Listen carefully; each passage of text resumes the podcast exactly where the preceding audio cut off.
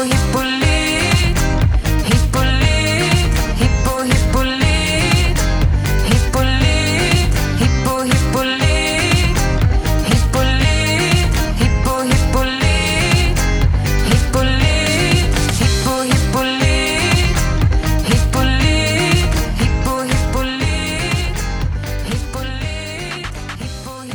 välkomna till ett nytt avsnitt av Foderpodden. Hej Linn! Hej Jennifer. Vi får ganska ofta frågor gällande hästar som har lämnat kvar foder utan att äta upp. Fast de kanske ändå är tunna och att ni som hästägare upplever att den borde äta mer eller borde kunna äta mer. Och därför har vi tänkt att i dagens avsnitt av Foderpodden så pratar vi om vad som egentligen påverkar hästens foderintag. Ja, alltså vi har ju pratat väldigt mycket om att det är bra att erbjuda hästen fri tillgång så länge den inte går upp i vikt. Eh, och om de då går upp i vikt så har vi pratat om att man ska begränsa givan. Och vi har ju nämnt det, men jag nämner det igen, att begränsar man givan foder så bör man ju helst inte då understiga 1,5 kilo torrsubstans per 100 kilo kroppsvikt. Eh, men sen händer det ju också då istället att hästar trots fri tillgång ändå inte lyckas äta upp den mängd grovfoder som de behöver för att täcka sitt näringsbehov. Och här kan man ju dels se över näringsinnehållet i sitt grovfoder och kanske välja ett grovfoder som passar sin hästs näringsbehov bättre. Då. Eh, men det får ju också börja fundera lite grann på vilka faktorer som påverkar hästens foderintag. Och det har vi ju faktiskt inte pratat lika mycket om här i podden. Nej, och den forskning som finns visar ju på att det finns flera faktorer som påverkar just foderintaget. Och de, de här faktorerna kan både vara yttre faktorer och faktorer hos hästen. Om vi börjar med de yttre faktorerna som påverkar foderintaget, vilka kan de vara? Ja, men här så spelar ju dels fodrets smaklighet en stor roll. Eh, men också lukt och utseende och struktur påverkar hästens vilja att då vilja äta det. Eh, och man har gjort en studie på SLU 2007 eh, där man undersökte hästarna om de uh, gillade då, eh, föredrog att äta grovfoder eh, som var konserverat på lite olika sätt. Dels då ensilage, hösilage och hö. Och där såg man att hästarna föredrog att äta ensilage framför de grovfoder som hade högre TS-halt, det vill säga hösilage och hö. Eh, och ensilage var också det fodermedel som hade längst ättid och högst konsumtion per dag medan hö hade kortast ättid och lägst konsumtion. Och så här såg det alltså ut när hästarna själva fick välja vilket foder de skulle äta, vilket är intressant. Eh, och här kan man inte veta om det är smakligheten på fodret eller om det kanske är strukturen som påverkade valet av foder eftersom att ett blött grovfoder påminner mer om gräs i strukturen än vad ett torrt foder gör.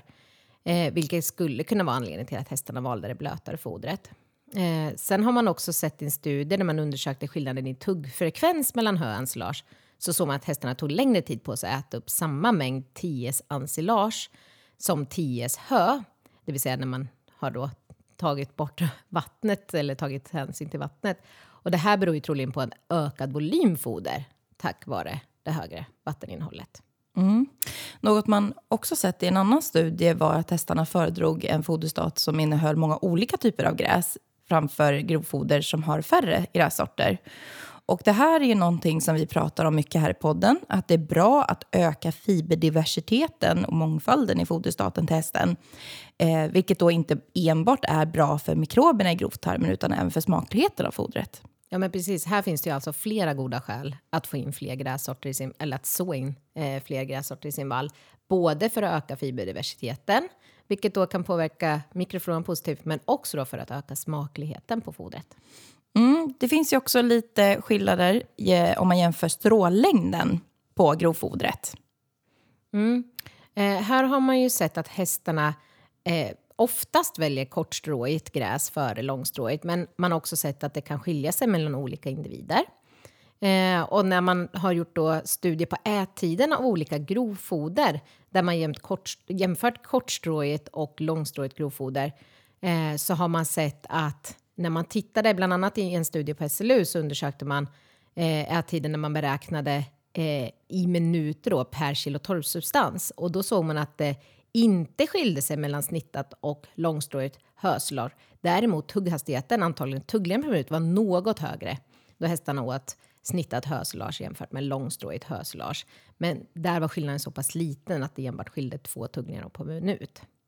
Eh, och om man då jämför ett vanligt hö och ett pelleterat hö däremot eh, det vill säga typ höpellets, så har man sett att hästens intag blev större då den åt pelleterat hö. Så här kan det ju vara någonting som man kan ta med sig om man har en häst som är tunn och som kanske då enbart äter 10 kilo grovfoder per dag fast den borde äta 12 för att täcka sitt näringsbehov. Och då kan man då gå in och komplettera med motsvarande mängd grovfoder som höpellets i foderstaten då för att öka intaget av grovfoder i foderstaten.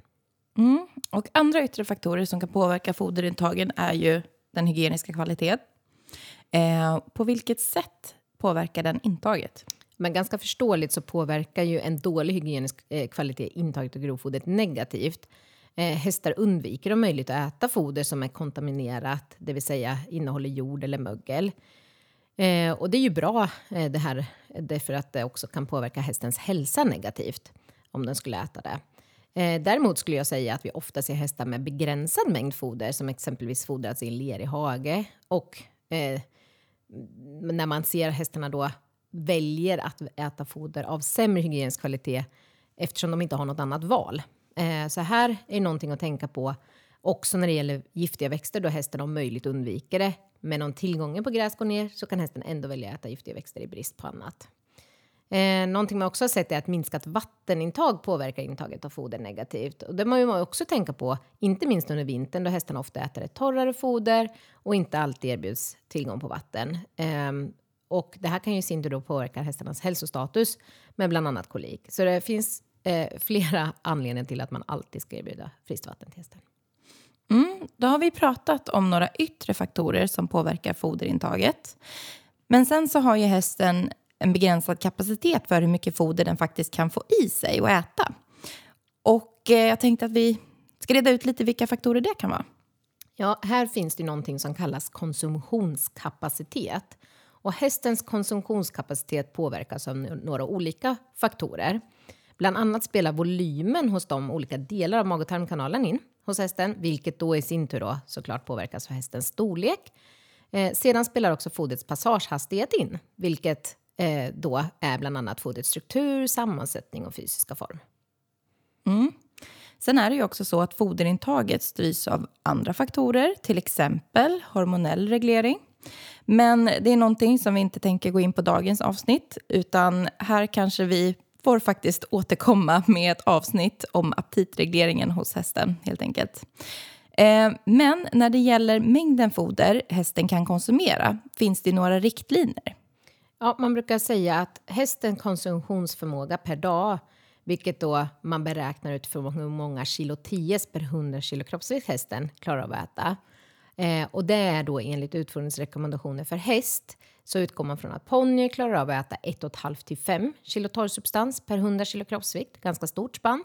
Medan hästar då enbart klarar av att äta 1,5 till 3 kilo TS per 100 kilo kroppsvikt.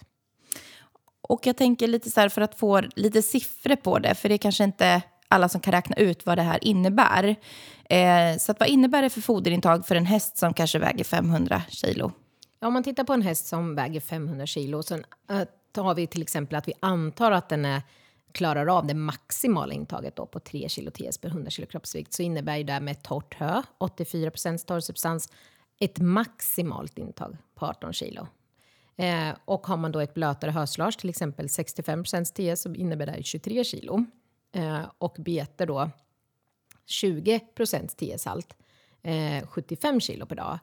Eh, och det här är ju alltså deras maximala intag som man kan förvänta sig att de faktiskt kan få i sig.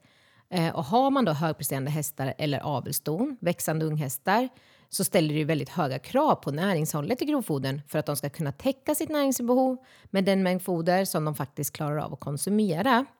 Eh, och här är det ju detsamma då med hästar som av olika anledningar har ett lägre foderintag än det maximala samtidigt som de då kanske har ett högt näringsbehov. Ja, det är ju väldigt ofta som vi får frågan kring tunna hästar som ändå har fri tillgång på grovfoder men som ändå inte går upp i vikt. Och vad brukar vi rekommendera till dem? Ja, men det är viktigt att tänka på att fri tillgång inte är samma sak som att de äter vad de behöver för att täcka sitt näringsbehov. Eh, och här behöver man ju försöka uppskatta hur mycket de faktiskt får i sig per dag och sen beräkna ut hur väl de täcker sitt näringsbehov på den mängden grovfoder de får i sig. Eh, och här kan man ju då gå in och komplettera med en höpellet som eh, jag beskrev ovan här då, eh, om eh, man eh, vill eh, öka då näringsintaget för hästen samtidigt som man ökar andelen grovfoder i foderstaten eller kom kompletteringsfoder. Eh, och se om man då på det sättet kan täcka hästens näringsbehov istället. Eh, om det inte är så att hästen kan täcka sitt näringsbehov med enbart grovfoder. Sammanfattningsvis då, så är det ju flera faktorer som påverkar hästens foderintag. Och ofta ser vi hästar som snarare har en omvänd problematik, det vill säga att de täcker sitt näringsbehov före sitt tuggbehov och ättid.